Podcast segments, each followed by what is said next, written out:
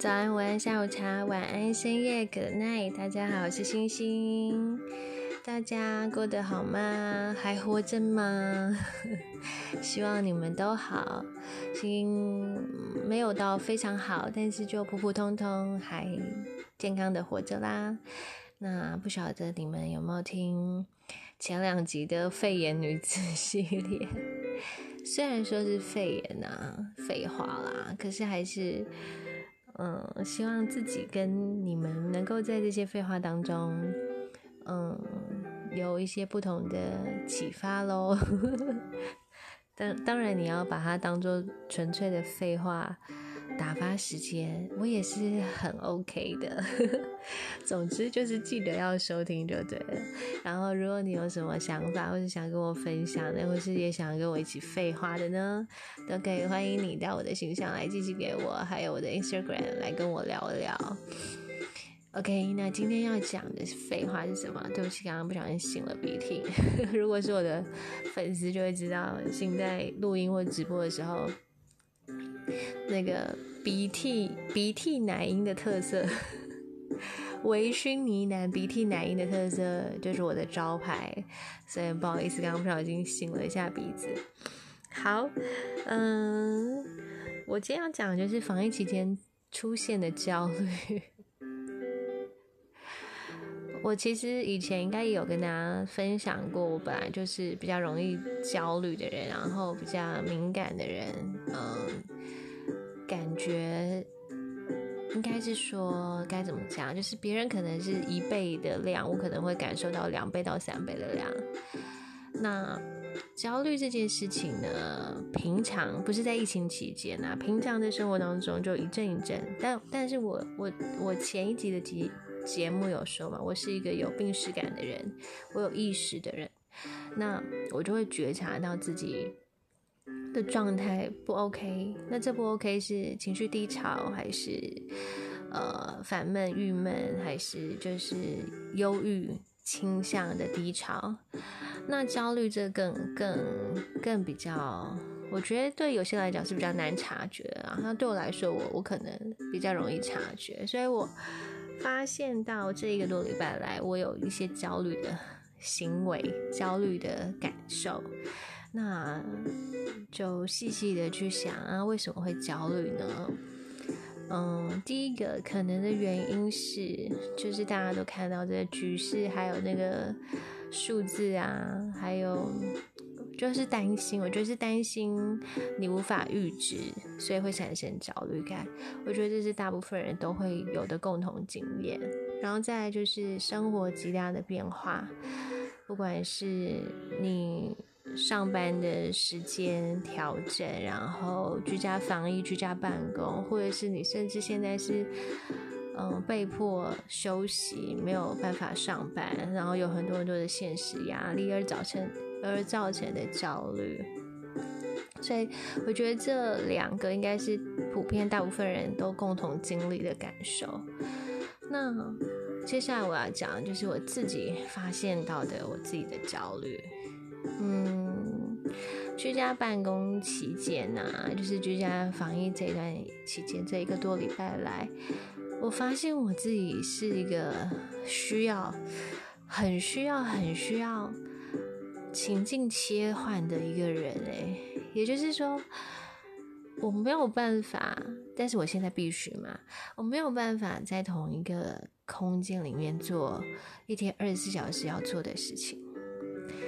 我觉得这非常非常有趣，我现在才知道我是一个需要情境切换的人。该怎么说呢？就是我我需要我需要家就是休息的地方，我需要工作就是工作的地方，我需要运动就是运动的地方，我需要娱乐就是娱乐的地方。像以前呢，你说假日啊，或者是假期休息，那你可以在家，既是工作又休闲又娱乐，那没有关系，因为就是平日上班，然后休息的时候休息嘛。可是现在不是啊，现在是你一天二十四小时都在家，就在这个场域里面去做所有的事情，这让我很焦虑。不是说啊，你今天从书房转到房间，房间转到客厅，客厅转到花呃不是花园前呃阳台，阳台转到厨房，厨房转到浴室，浴室浴室再转到哪里？就是不是说你今天这个家多大多小？然后房间的转换，空间的转换，我讲的是比较大的概念，所以我需要可以切割开来。然后我就觉得超级无敌有趣，原来我焦虑原因是这样。我焦虑原因是我被困在家里，然后我不想要困在家里工作，我也不想要困在家里上班，呃，就是还有运动，可是不得不嘛，所以。当我发现我自己的焦虑是因为这个原因，然后我就必须得调试，说这是非常时期，所以没有办法。那渐渐的我就接受了这件事情。然后第二个很好笑的原因是，我觉得我的焦虑还有一个就是，我好需要跟那个 跟真实的人，跟真实的人做人跟人接触，跟人跟人连接。现在讲这这些词汇都都很敏感，可是我的意思就是，我需要可以跟真人互动，因为你无论你现在讯息啊，或者是你现在沟通啊，你现在甚至吵架，你可能就是用文字攻击好了，文字叙述，或者是电话，或者是视讯，可是那对我来说都都不太够，我我觉得我不太是。喜欢这类这类方式的人，我比较喜欢可以可以有所交流的人，所以我好好想回到之前，比如说工作啊或者生活的时候，可以跟人这样接触、互动、交流，比较有比较有真实的回馈的这种感觉。然后，那这这个这个现象让我让我发现，就是。我以前曾经幻想说，哦，好羡慕自己在家上班的人，或者是他就是只要在家工作就好啦，然后或者是他就带他的他的那个笔电啊，到处去去去上班啊，一下咖啡厅啊，一下哪里啊，呃，行动办公室的概念。虽然行动办公室的概念，这个我应该也觉得 OK，可是如果他只能在家里面工作。我就觉得，以我的个性跟需求来说，好像不太适合我。所以，嗯，让我觉得有趣的就是，我从焦虑当中发现了更多的自己的样子。简单来说，就是这段期间，我又好像更了解自己。就以前可能工作忙，你没有那么多。没有那么多时间好好的跟自己相处，但是我相信很多人还是就是被家里面绑住啊，然后觉得真的是快疯掉了，好像被关在地狱里面一样。我相信应该很多人是这样子，就是根本没有所谓的自己的时间。那我并不是，我是比较多自己时间的人，所以反而会有各式各样的想法在这个时候蹦出来，所以。从焦虑，从焦虑去找到，呃，认识自己的方式，我觉得是一个很有趣的现象，所以就想说跟大家说说看，然后也看看，不知道你们会不会也是这样，就是在这一个多礼拜，搞不好甚至有些人是已经实施两个礼拜，甚至一个月或是半年以上了之久了。我不确定，但如果你也跟我一样，在这段期间产生了一些 身心上面的反应的话，不妨就是去了解一下自己为什么会这样子。那这一些身心上面的反应，可能是好的改变，可能是不好的改变，我觉得都会需要有意识的去正视它。那。找到一个适合自己的方法去宣泄。好，那我们就呃，不是我们啊，就是我跟大家就是分享说我居家防疫跟办公的的焦虑，然后跟我觉得焦虑的原因。那接下来我就要跟大家讲，我如果遇遇到这样状况，我怎么做好了。毕竟呢，新这个虽然是很会讲话人，但我必须讲的话是要为自己、为大家负责，呃，也要带上一些哲理、学术探讨或者是知识加补充嘛，对不对？那我如果遇到这些焦虑的话，我会怎么做？嗯，做自己喜欢的事情，分心，这是一个方法。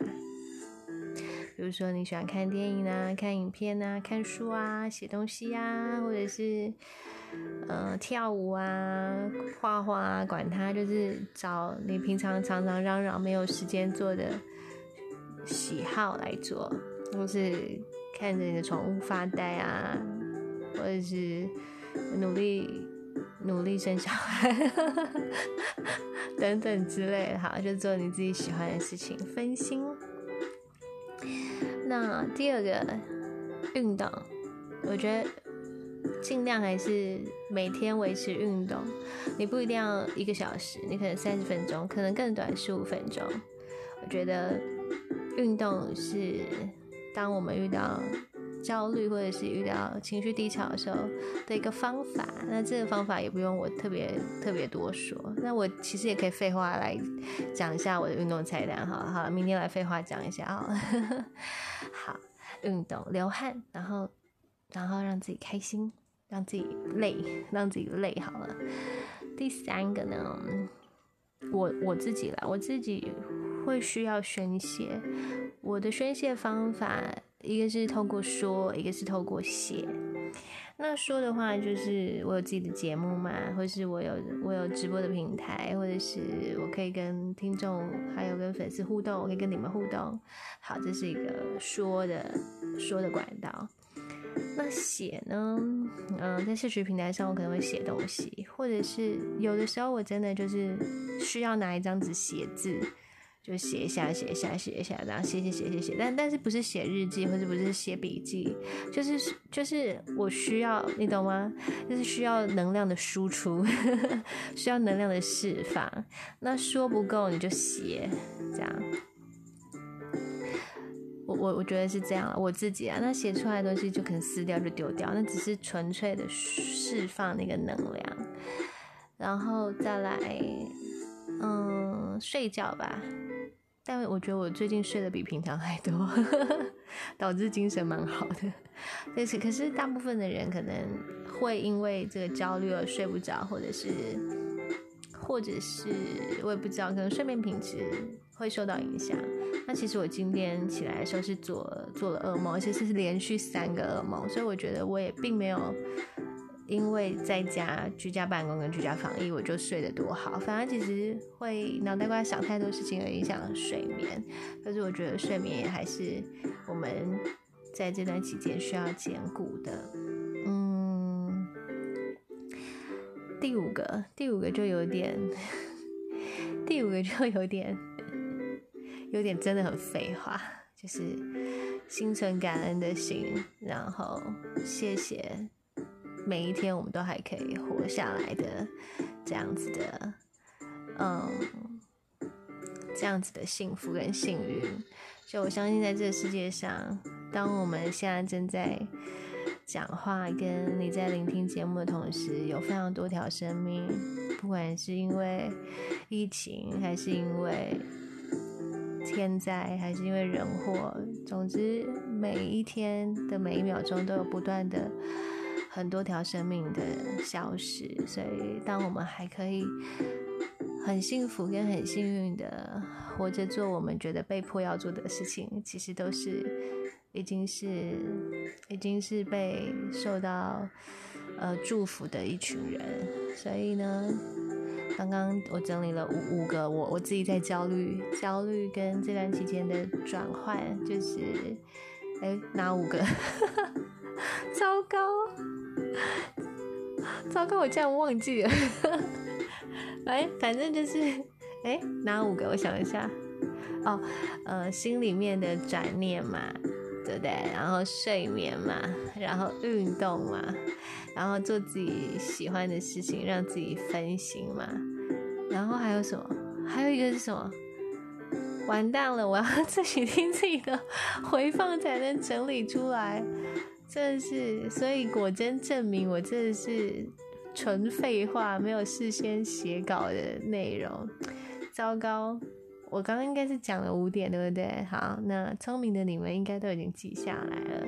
好，就在这段期间，如果你有发现到自己低潮，或是焦虑，或是烦闷的时候，首先先去厘清，没有说是一定要找到病因的那种，不需要，你就是稍微去厘清一下，整理一下脉络，去知道自己为何而焦虑，然后避开焦虑来源，避不掉呢，就选择调试。调试的方法就是让自己分心，让自己快乐，让自己嗯感到幸运跟幸福。我觉得这样子，我们就可以一起嗯打打那叫什么？那叫什么？叫什么耐力战吗？就是这是一场长期的抗战，因为你不知道这世界会再怎么变化。然后每一天会有怎么样改变？是变好还是变坏？因为我们不知道，所以我们很焦虑，这些都是正常的。所以我们现在应该就是更需要的是能够很平稳跟很平静的，好好的过我们的小日子，以及好好的找回自己生活的重心。我觉得透过这一个多礼拜，大家会开始从刚开始的兵荒马乱，现在已经慢慢的找到了跟调整了一个步调，然后就这样顺顺的往下往下进行。那我们就在看接下来，嗯的情绪会有什么变化，再做调整。我觉得人是一个。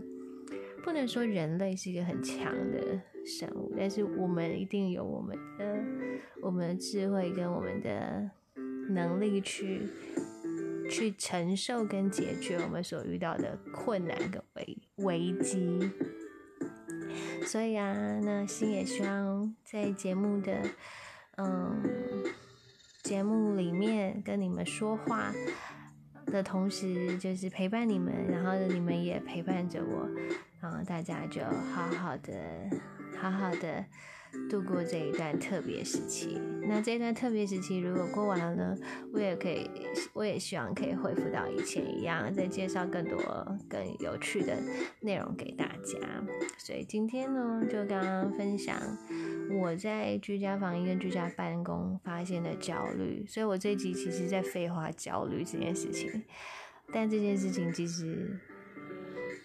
不是只是废话，因为它是一个很重要的讯息，就是你心里面情绪很重要的一个一个需要去面对跟调整的一个一个一个一个一个一个点一个点，这样。好，那我不是专家，如果你需要专家的协助，就麻烦你去。呃，寻求专家的协助。那如果你是需要一起废话，需要一起聊聊的话，也都非常欢迎你呢，跟我交流沟通。啊，我真的真的真的很希望能够切割我的生活情境，然后回到以往的生活。我相信每个人都是。好了，这就是今天星星跟大家。讲的内容，如果你喜欢我的节目，就请你记得订阅、追踪、准时出现。然后呢，想要再听以前好玩的节目，都可以在各大的平台都可以找到我的节目。你可以在 o n t r o Podcast，可以在 Apple Podcast，可以在 Google Podcast，可以在 Spotify。当然，我觉得应该是只要是可以收听 Podcast 的任何平台都可以。找到我的声音，找到我的节目，只要搜寻“给我小心点”就 OK 啦。好，那我是星星，谢谢你的收听。希望肺炎系列能够陪伴你在这个苦闷的时期、非常时期里面，带点小小的娱乐，带点小小的娱乐性质。那我们就明天见，祝福每一个人健康平安，拜拜。